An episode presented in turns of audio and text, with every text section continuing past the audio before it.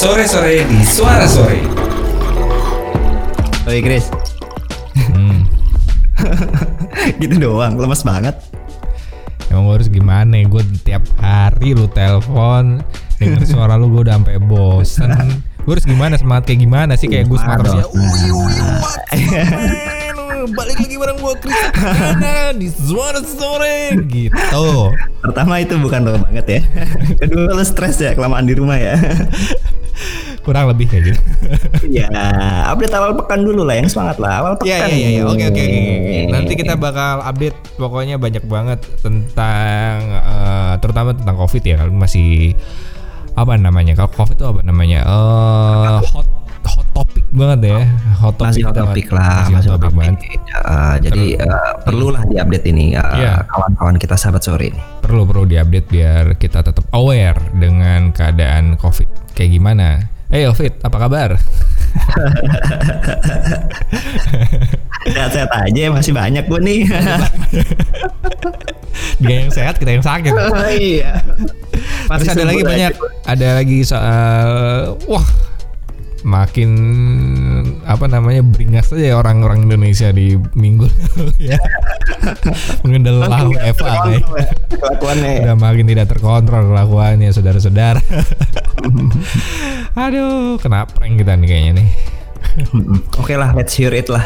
oke kita mulai share ini Ga ya Eh, apa lagi nih Eh, Kasus positif berapa sekarang? Oke, gua akan ngebacain dari sama dari Catch Me Up yang belum mengendorse kita dan mungkin kita masih buka endorsan dari Catch Me Up kita. Ngarep banget sih ah. Harap hashtag. Eh, hashtag ya yaudah. Yang pertama hingga kemarin jumlah kasus positif COVID-19 itu adalah 17.000 Oke. Wan 514 ya. Terus eh, meninggalnya udah 1100. Eh belum gua silent lagi. Udah nih gua silent nih. Oh iya. Sembuhnya sebanyak 4000 Ya udah lumayan banyak lah ya. Mm-mm. Terus eh, MUI juga baru saja menerbitkan fatwa yang isinya adalah panduan salat Idul Idul Fitri di rumah. di Jadi rumah. kita diajak untuk eh, apa namanya beribadah di rumah ya. Terus ada juga dari Jawa Timur salat Id itu eh, Jawa Pemprov Jawa Timur mengeluarkan surat edaran yang mengizinkan untuk salat di masjid. Loh, Oke. Jawa Timur lagi banyak-banyaknya ya? Iya. Terus ya gue belum baca nih protokolnya tapi yang yang sempat gue dengar-dengar kemarin ya. Hmm. Ya nanti Kayak BTW suara lu bagus banget. Gini ya. nih, gini nih. Suara sahabat sore ya, sore. mesti tahu sebenarnya. Ini, ini nih OT ya. Ya, Lu mesti tahu. Kita podcaster udah hampir 15-16 episode gitu ya.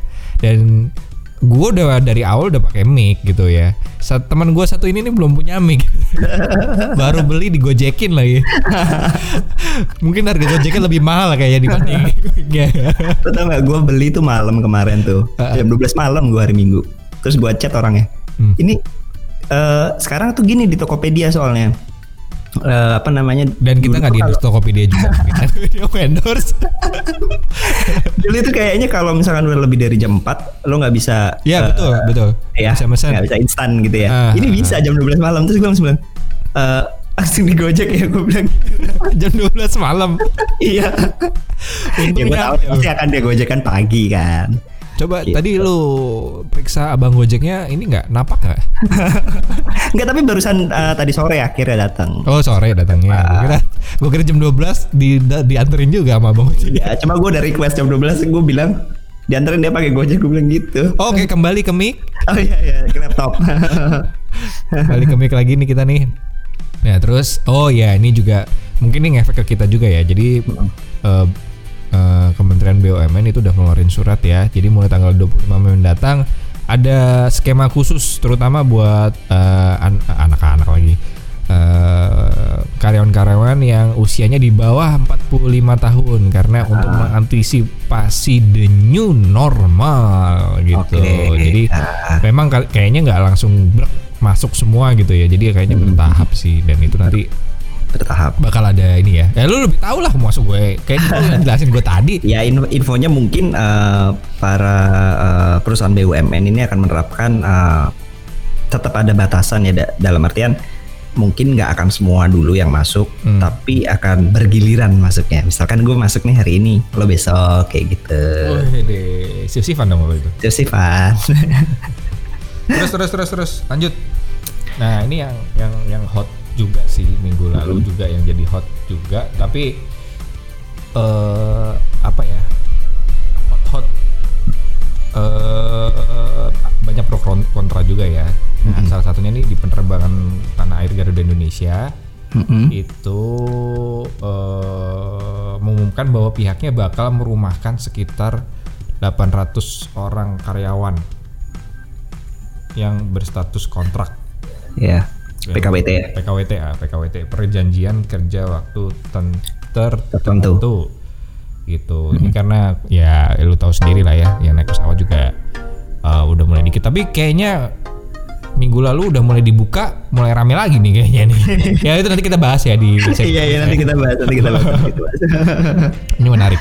Terus eh, dari DKI Jakarta, eh, Pak Anies Baswedan meminta warganya untuk nggak mudik lokal atau pergi lebaran ke rumah-rumah saudara yang ada di Jakarta. Jadi kayak misalnya lu punya saudara di, eh, lu di Jakarta Selatan, eh kerenan kalau lu Jakarta Selatan, lu Bekasi, Jakarta Selatan.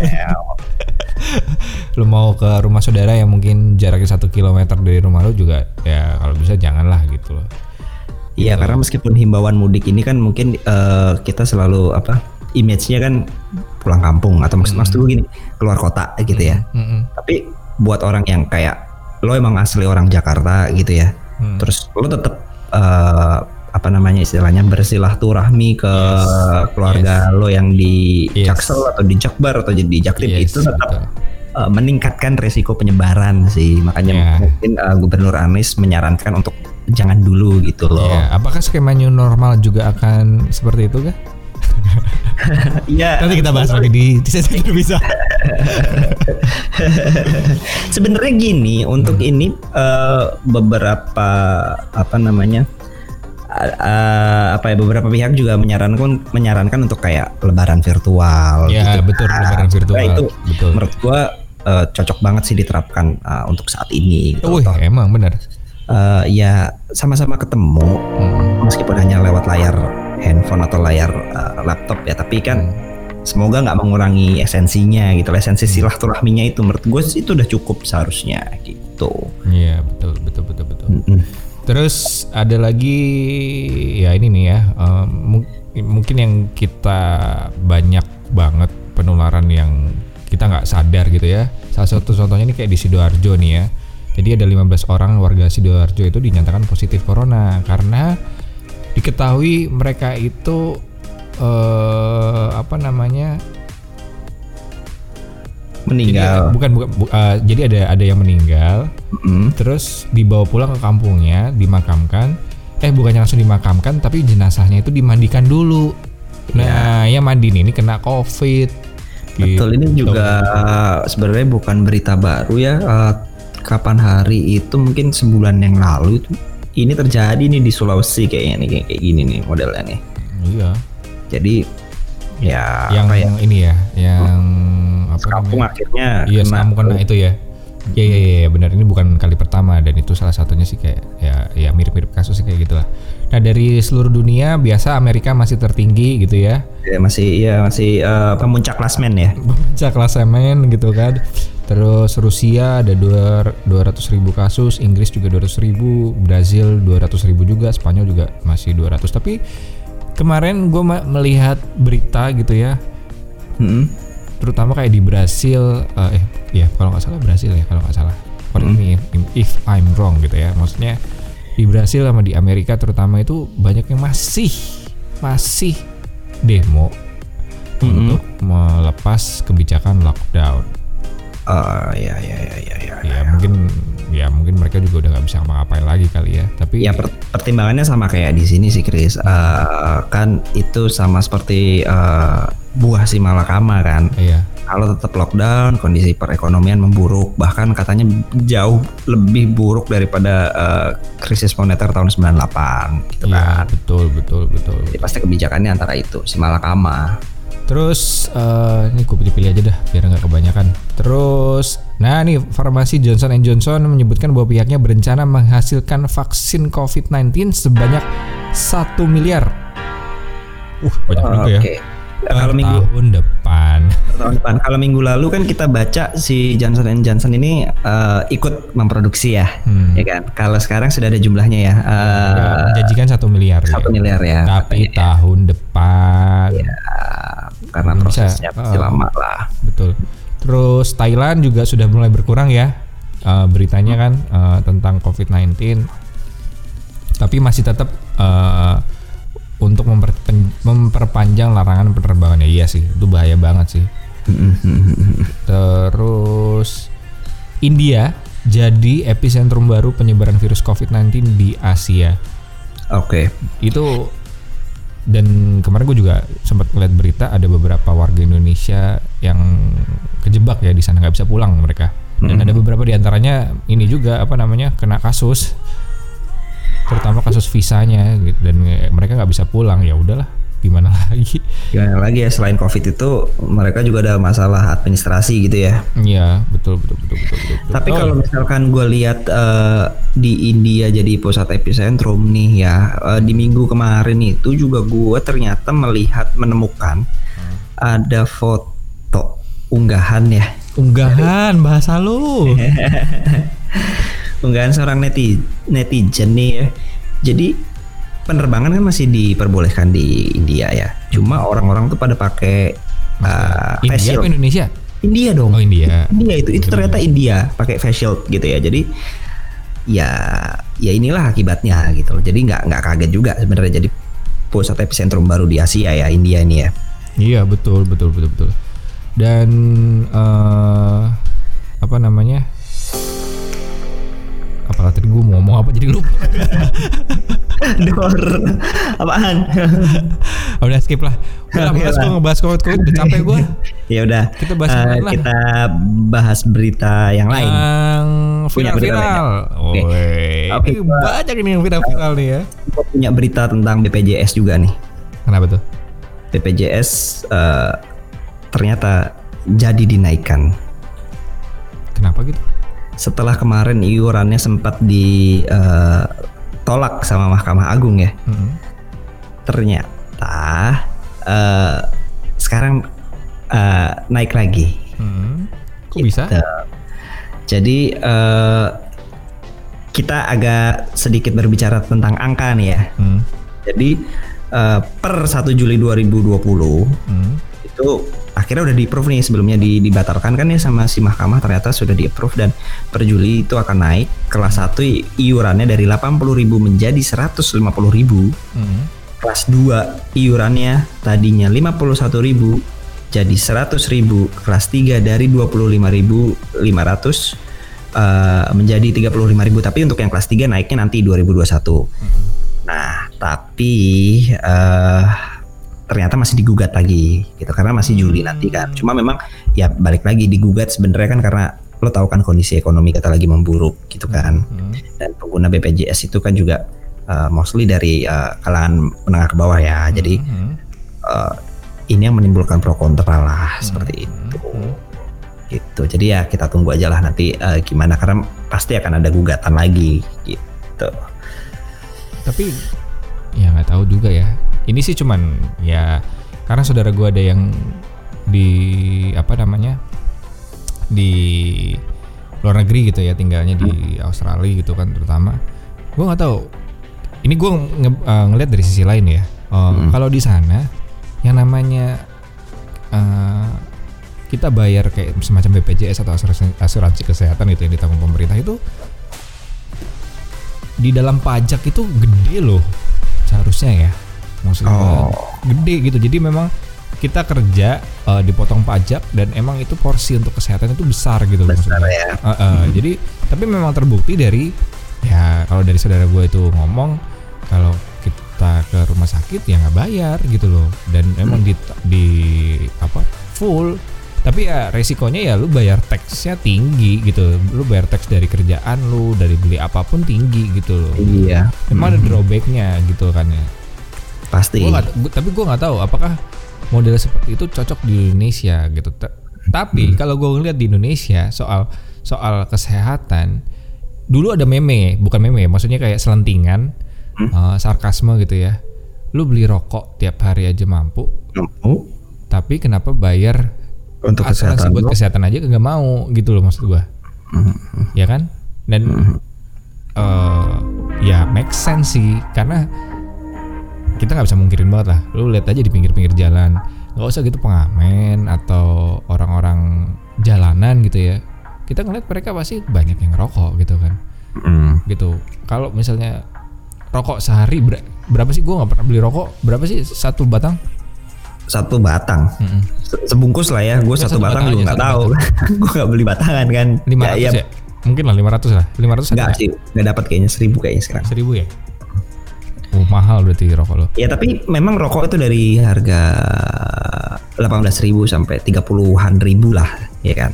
seribu dikali 30 hari aja 30 ribu berarti kan Ya bisa, ya kan? Bisa kan banget. bisa banget ya buat bayar Kan tadi- asuransi ya Kan tadi kalau gue lihat yang eh, untuk kelas ketiga kan di angka 35.000 ribu, ya kan? Ya bisa lah, ya kan? Lo itu dari sisi gue ya gue gue bukan perokok gue bukan bukan ini cuman kalau gue menurut gue ya kalau buat kesehatan why not sih? Karena karena Eh, mindset karena mindset orang itu adalah Hmm. gini eh, seharusnya kan mencegah lebih baik daripada mengobati gitu kan ya. Ya ya seharusnya gitu kan. Tapi orang-orang kalau memang belum sakit mah ya bodoh amat nggak akan mereka pikirkan gitu untuk untuk, untuk pencegahan itu sih menurut gua. Hmm, dan, dan dan ini menarik banget karena statement lo barusan ini membuat eh, sisi pand eh, apa sudut pandang lain ya. Biasanya kan kita selalu membahas sudut pandang lain ya. Hmm, memang terdengar eh, kenaikan harga eh, iuran BPJS ini memberatkan ya buat beberapa golongan masyarakat ya. Tapi ternyata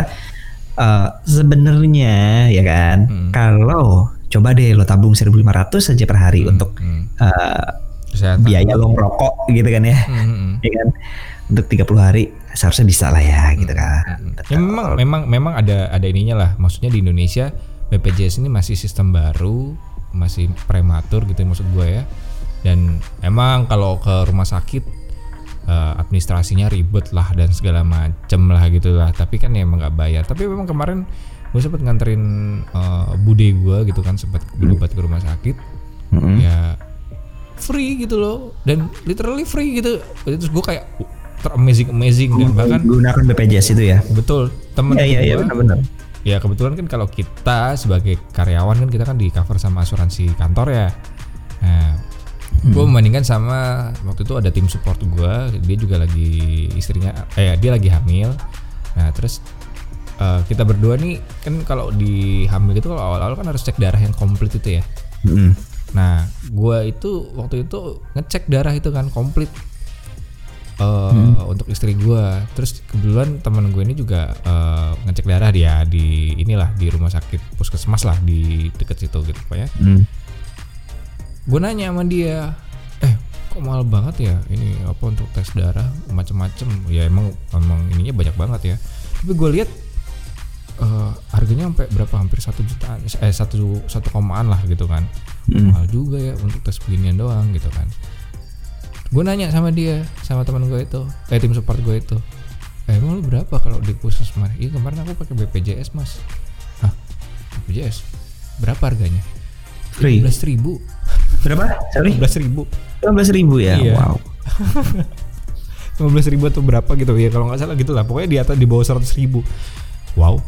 Gue kayak benar-benar. Ya ya amazing sih tapi mungkin emang di beberapa lokasi mungkin di rumah sakit yang masih nakal atau bandel gitu ya oknum-oknum gitu kan mungkin ya masih agak sulit untuk mengklaim BPJS dan segala macam tapi ya ya kita nggak akan nggak akan mendapatkan ben, eh apa ki- kita akan merasakan benefitnya kalau kita sudah merasa sakit dan harus bayar sebenarnya Iya benar.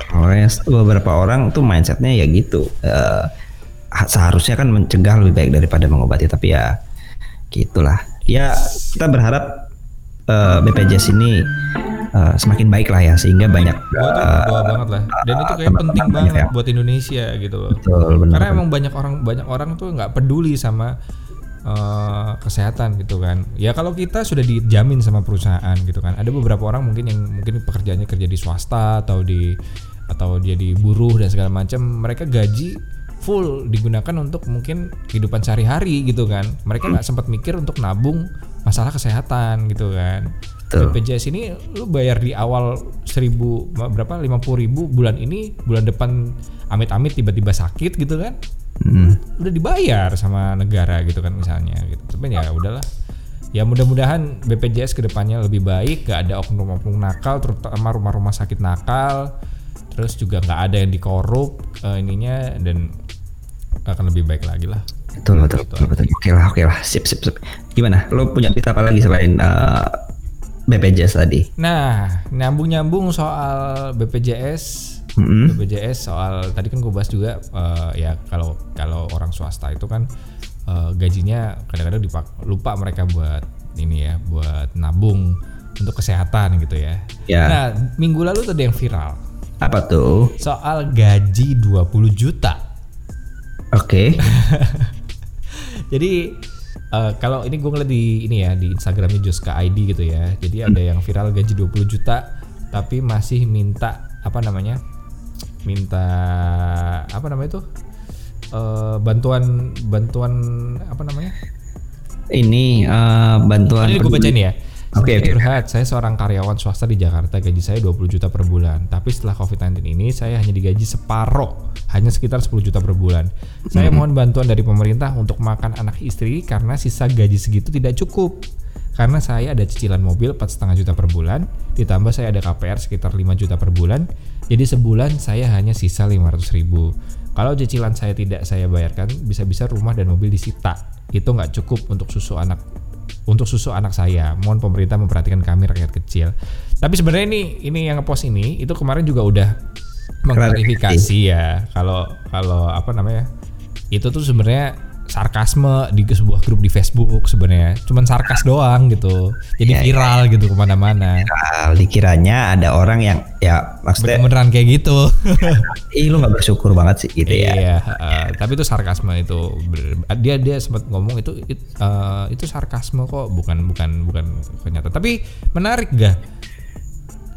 Eh, bahwa itu tadi kan ya itu ya, eh, mas ngomongin soal saving gitu ya. Saving, ah. Nah, kadang-kadang memang kita apalagi generasi kita gitu, generasi yang sekarang mungkin orang udah eh, perusahaan-perusahaan udah jarang banget yang ada memperhatikan dana pensiun. Ya nggak sih? Terus apalagi juga asuransi kesehatan kadang-kadang juga nggak ada kan Ya, perusahaan-perusahaan swasta gitu kan juga nggak ada kadang-kadang.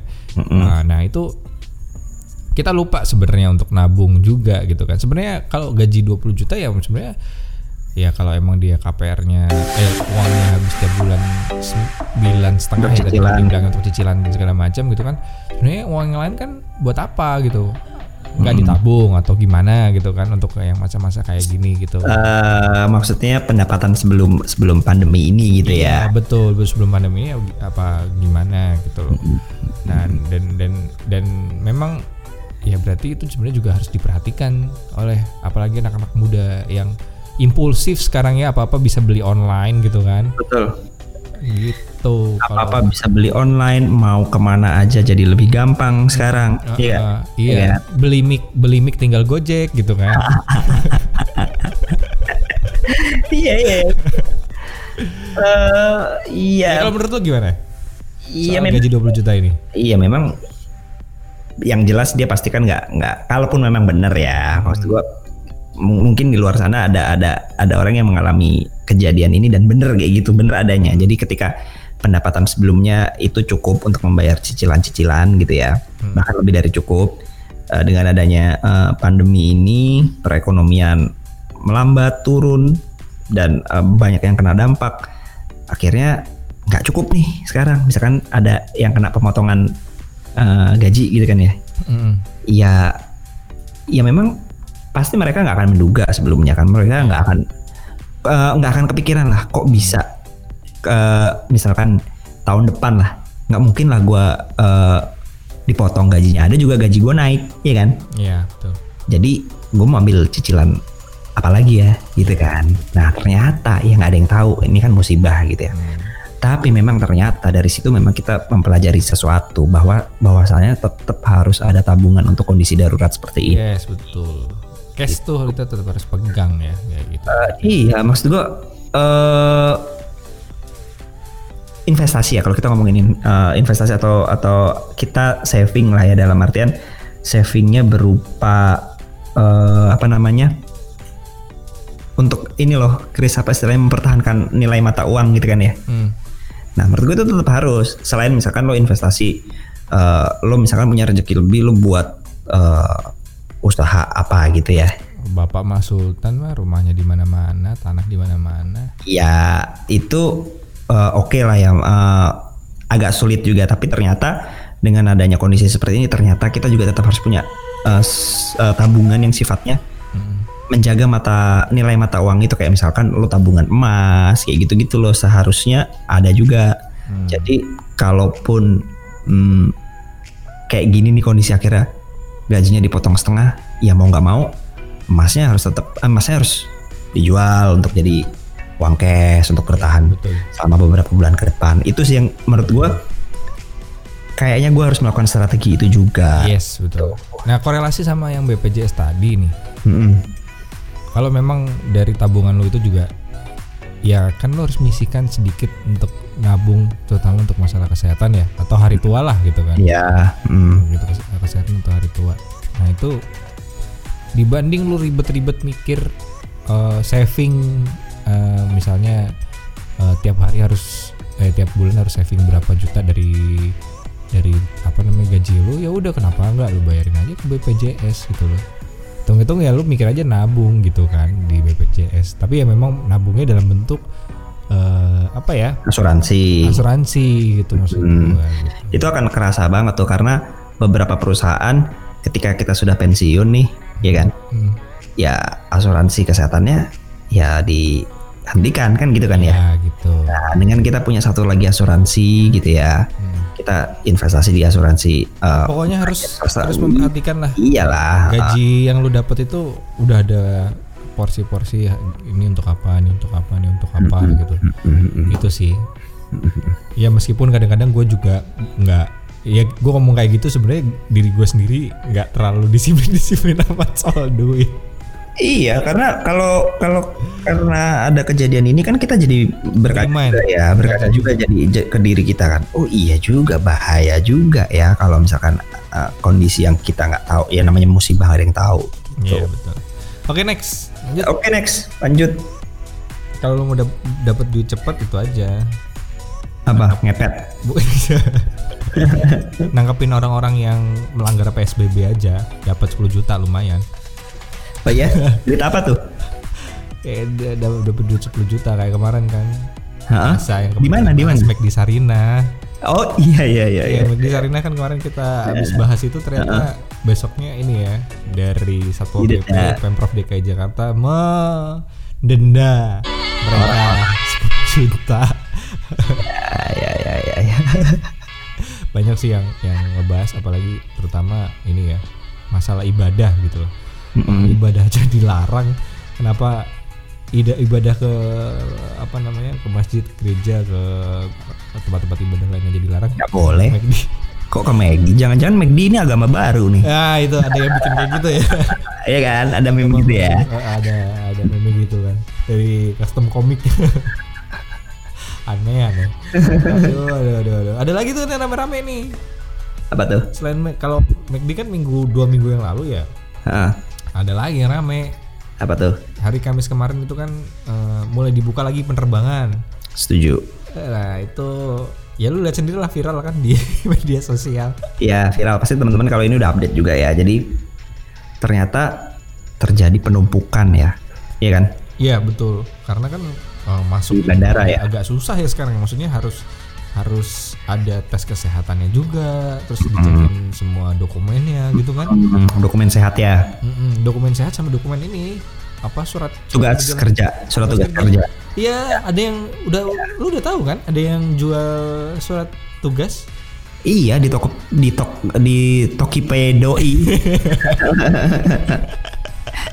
Ada yang jual itu Tokopedia ya. di eh, Tokopedia ya. Eh, gue nyebut lagi. di buka bapak juga ada buka bapak. itu dan udah katanya sih udah ketangkap juga ya ini oknumnya ini ya. Ya, udah sempet jual. di uh, pemalsuan surat kesehatan yang dari uh, mitra keluarga ya.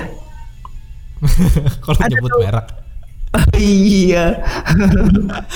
Tapi sudah dikonfirmasi uh, dari dari pihak rumah sakit bahwasannya yang beredar itu yang dijual Bukan punya mereka. punya mereka oknum. Betul, ya, betul, ya kalau dipikir-pikir gampang juga kan lo Yes, betul. buat kayak gitu ya kan ya. Iya makanya dan itu udah ada aja ya dulu orang 3 in 1 pakai joki cara surat dijual beli aduh Ya, mudik pakai towing truk towing juga iya, bang. truk towing. Iya kan? lo nggak usah gitu pakai masuk ke dalamnya molen coba mikir molen muter lo molen itu Ya nggak diputer bapak.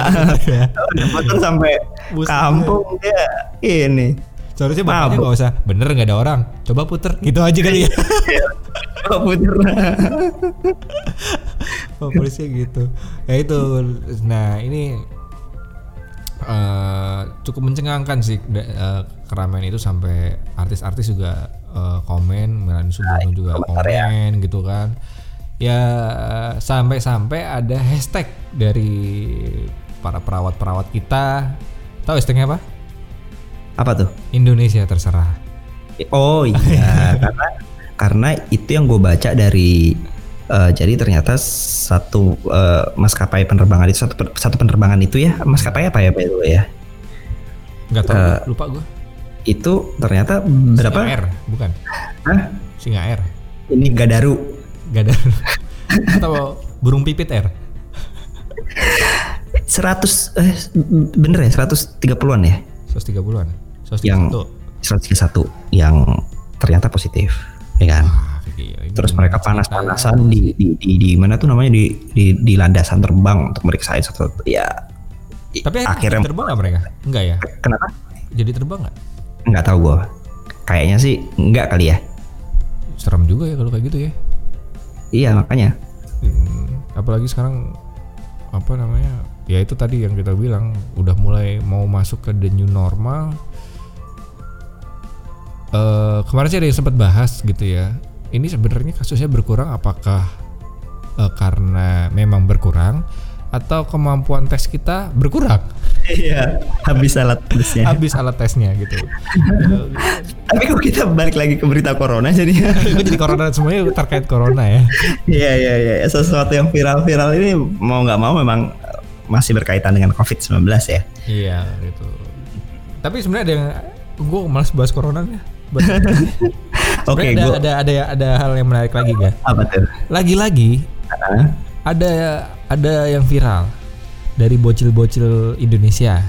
betul Viralnya ya sama yang kayak kemarin minggu lalu.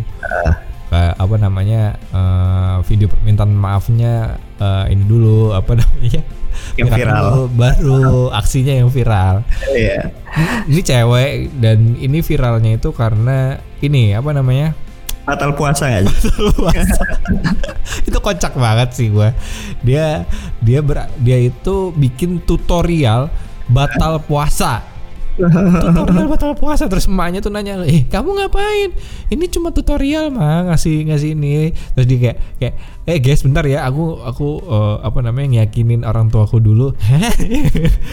Lu udah batal nah lu udah batal. Akhirnya dia bikin klarifikasi dan dia minta maaf. Iya karena anak-anak sekarang udah pinter-pinter juga ya maksud gue gini.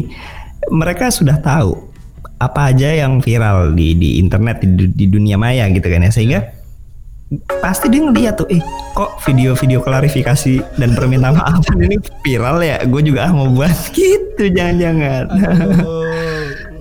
Tapi ya lucu juga. Ya maksudnya innocent banget gitu ya. Dia dia kayak minum secicip dua cicip gitu gini ya guys kalau kita mau batalin puasa siapa air putih? Ya ampun polos banget ya anak ya apa-apa itu namanya proses belajar gitu. Namanya proses belajar namanya kita menjadi seorang yang dewasa kita harus melewati proses yang namanya satu alay. Karena setiap orang katanya nih ya setiap orang Iya. pasti akan pernah merasakan momen alay di dalam kehidupan. Gue tahu lo juga pasti eh, sekarang berusia sampai sekarang ini pasti pernah mengalami momen alay, ya nggak? Wajib, wajib itu. Kalau nggak lu belum dewasa. ya, ya cuma beda-beda ya dulu mungkin lo alaynya kayak gini, sekarang alaynya kayak gini gitu kan ya. Iya, Kalau beda apa zaman. Eh, potongan rambut sih. Eh, Gue kadang iya. kalau anak 90-an pasti masalah potongan rambut. atau kadang ngelihat foto zaman dulu anjir kenapa gue kepikiran potongan kayak gini gitu ya. Iya. Kalau dari 80-an ke eh, 2000-an 90-an mungkin mereka masalah outfit ya kan dari Iya. apa dari cut bray ke mulai skinny skinny kayak gitu kan. Tapi memang kalau anak 90-an kalau gue tanya soal apa momen embarrassmentmu waktu dulu itu adalah masalah rambut. Rambut ya. Rambut iya. Padahal bener. kadang ra- sebenarnya itu nggak cocok potongan itu sama Bener sih mohawk. Itu dulu viral banget ya di, di zaman kita ya. menurut gue yang paling viral itu adalah polem. Mau dilempar ya benar-benar. Sih rambut-rambut Sasuke gitu Iya iya. ya kan? Dulu terinspirasinya dari siapa ya? Ya dari Sasuke. Bukan, bukan. ya Bukan Sasuke, Dragon Ball. sebenarnya sebenarnya menurut gue dari dari anime itulah ya. Dari Terus anime beberapa eh, band gitu ya, personil band yang yang terkenal Iya sih, iya. pakai model rambut itu ya kan. Akhirnya viral lah gitu kan. Kalau dipikir-pikir lo inget nggak sih eh zaman band emo waktu kita Iya betul. Iya kan? Evanescence gitu ya. Iya. Jadinya eh apa tuh namanya? Ya terinspirasi dari situ juga gitu. Aduh, Iya iya iya iya. Itu Ya, sih. kita harus melewati ini semua. Kita harus melewati masa alay seperti kita juga melewati masa-masa COVID-19. Iya dong. Biar Eh, imun badai kita- pasti berlalu. Badai pasti berlalu. Poni lempar pasti berlalu lah. Itu ya. Ngomong soal eh, berita yang lagi hangat tapi di luar covid gue juga punya nih. Apa tuh? Mungkin lo nggak nonton kali ya? Apaan? Tapi mungkin teman-teman, eh, gue yakin sahabat-sahabat sore pada banyak yang nonton juga. Jadi Award of Married Couple minggu kemarin Mm-mm. drakor drakor ini pak, bapak Iya, nggak ikut elah. drakor pak. Sorry ini ya. eh, udah eh, tamat gitu. Jadi sudah sampai episode 16. Jadi karena gini Chris, ini ini ini, ini informasi yang menurut gue penting untuk disampaikan karena ternyata banyak temen gue yang suka nonton drakor ini hanya menonton drakor kalau sudah selesai episodenya. Sudah tamat, sudah tamat. Karena gini, menurut mereka kalau mereka harus nunggu minggu depan untuk episode terbaru, nggak sabar mereka. Udahlah nanti aja. Kalau udah tamat, baru gue nonton semuanya. Biar puas gitu. Biar langsung apa istilahnya binge watching ya. Iya kan. Binge watching. Gitu. Jadi eh, ini buat informasi buat teman-teman aja yang belum nonton dan pengen nonton waktu udah selesai tamat saatnya sekarang nih udah tamat nih udah sampai episode 16 gitu Drakor, drakor temen gue satu ini mungkin ke kelamaan WFA dicocolin sama istrinya nonton drakor Iya, mulu tiap hari ya. kan gue tuh tadinya nggak suka drakor juga cuma direferensikan beberapa eh, Nah, drakor Lu Oke. lu orangnya nggak suka drakor kan? Hmm, Jadi suka drakor. Gue kebalikan lu. gimana Gue dulu suka drakor. Tahu nggak drakornya apa? Drakornya yang yang dulu kita dulu banget mau viral banget dulu. Meteor Garden. Iya, Itu kan Meteor- Korea juga sebenarnya. Betul, tapi itu Cina pak Oh Cina? Taipei tapi Oh, kalau ya? iya Cina Eh, tapi kalau kalau versi kan di remake tuh Iya, yang di remake, yang di remake. Gue nonton juga di remake. Flower namanya Hah? kalau Koreanya namanya Boys Before Flower Iya, Boys Before Flower itu juga gue nonton juga. Itu kan versi ininya, versi Korea Selatannya ya. Itu awalnya sebenarnya dari eh, komik loh pak dari manga pak setahu saya pak Apa Meteor Garden? Iya terus di diangkat eh, Bagus di ceritanya, bagus. Dra- Dracin ya Dracin ya drama Cina ya Dra Dra- iya, gue drama cinta. itu eh, di, di di remake lagi jadi drakor gitu Iya, iya, iya, iya. iya. Ah, Oke lah, udahlah lanjutin aja lah drakor lu lah. jadi bagus tuh Eh, lo juga sebenarnya perlu nonton karena menurut gua Lu meracun di gua nggak bisa? Iya, nggak, Lu maksud udah gua gini. tahu kan? Lu udah tahu kemampuan untuk apa namanya mengajak itu Persuasif lebih ya? persuasif gua tuh lebih jago dibanding lu. karena menurut gua ini eh, gua sat- sa- satu-satunya dra- drakor yang nggak terlalu eh, menyek-menyek tentang percintaan menurut gua. T- tapi malah menurut gua unsur detektifnya ini kuat banget gitu. Jadi anjir habis ini tokoh ini mau ngapain nih tindakannya, strateginya apa? Ternyata gitu, Chris. gue nggak bisa nonton kayak gitu gak bener gue sekarang sekarang ini gue malah bisa nonton seri-series yang lucu. Gue emang kalau kalau yang kayak detektif palingan gue cuma nonton Sherlock doang seri series yang agak berat. Atau dulu Iya. gue pernah nonton Prison Break gitu kan. Yang sekarang katanya diputar di Netflix kan. Dan Itu Breaking Bad, Breaking Bad. Wah, Breaking itu Bad keren gue nonton sih. Kalau Breaking Bad kayak nonton ya yang kayak gitu-gitu aja tapi sekarang sekarang gue pengennya yang lucu-lucu aja gitu tapi lo gue punya mulai lagi sih Oh, mulai lagi tapi ya. Iya, terakhir gue yang nonton itu kayak How I Met Your Mother itu kan udah udah selesai. The Big Bang Theory juga udah selesai gitu kan. Oh, Big Bang Theory itu udah selesai ya? Mm-mm. Bukan Gua ada baru lagi. Enggak, udah selesai. Udah Udah selesai selesai. udah. Terus abis itu kayak ada community itu sebenarnya belum di end tapi dimatikan ya kayak apa kayak kayak nggak laku tapi sebenarnya itu lucu menurut gua jadi gua butuh kayak seri-seri yang kayak gitu sih gitu loh. Kayak Iya, apa namanya? Two and a Half Men kayak gitu-gitu gue juga nonton. Gitu aja. Ya ya ya ya. kalau Korea Korea percinta-cintaan tuh nggak tahu ya kalau mungkin dulu dulu mungkin kayak zaman Meteor Garden gue masih oke lah. Tapi kalau sekarang kalau soal percintaan tuh kayak gue helah ngapain sih udah pindah pindah pindah gitu kayak gitu gue lagi mungkin eh, mungkin dulu momennya ya kalau kalau iya udah lewat kan ya. lewat gitu ya udah udah 41 menit kita ngomong Ya ya ya ya oke lah. banget coy Kalau gitu eh, update beritanya tadi kita tutup dengan eh, referensi drakor ya. ya udah pokoknya pesan kita seperti biasa untuk masa-masa pandemi gini tetap stay healthy, stay at home, tunda mudik, apalagi hashtag kita nih Eh, lebaran virtual. lebaran virtual, Ya kan. Ya itu aja Vicon gitu kan ya. Clotex, Clotex.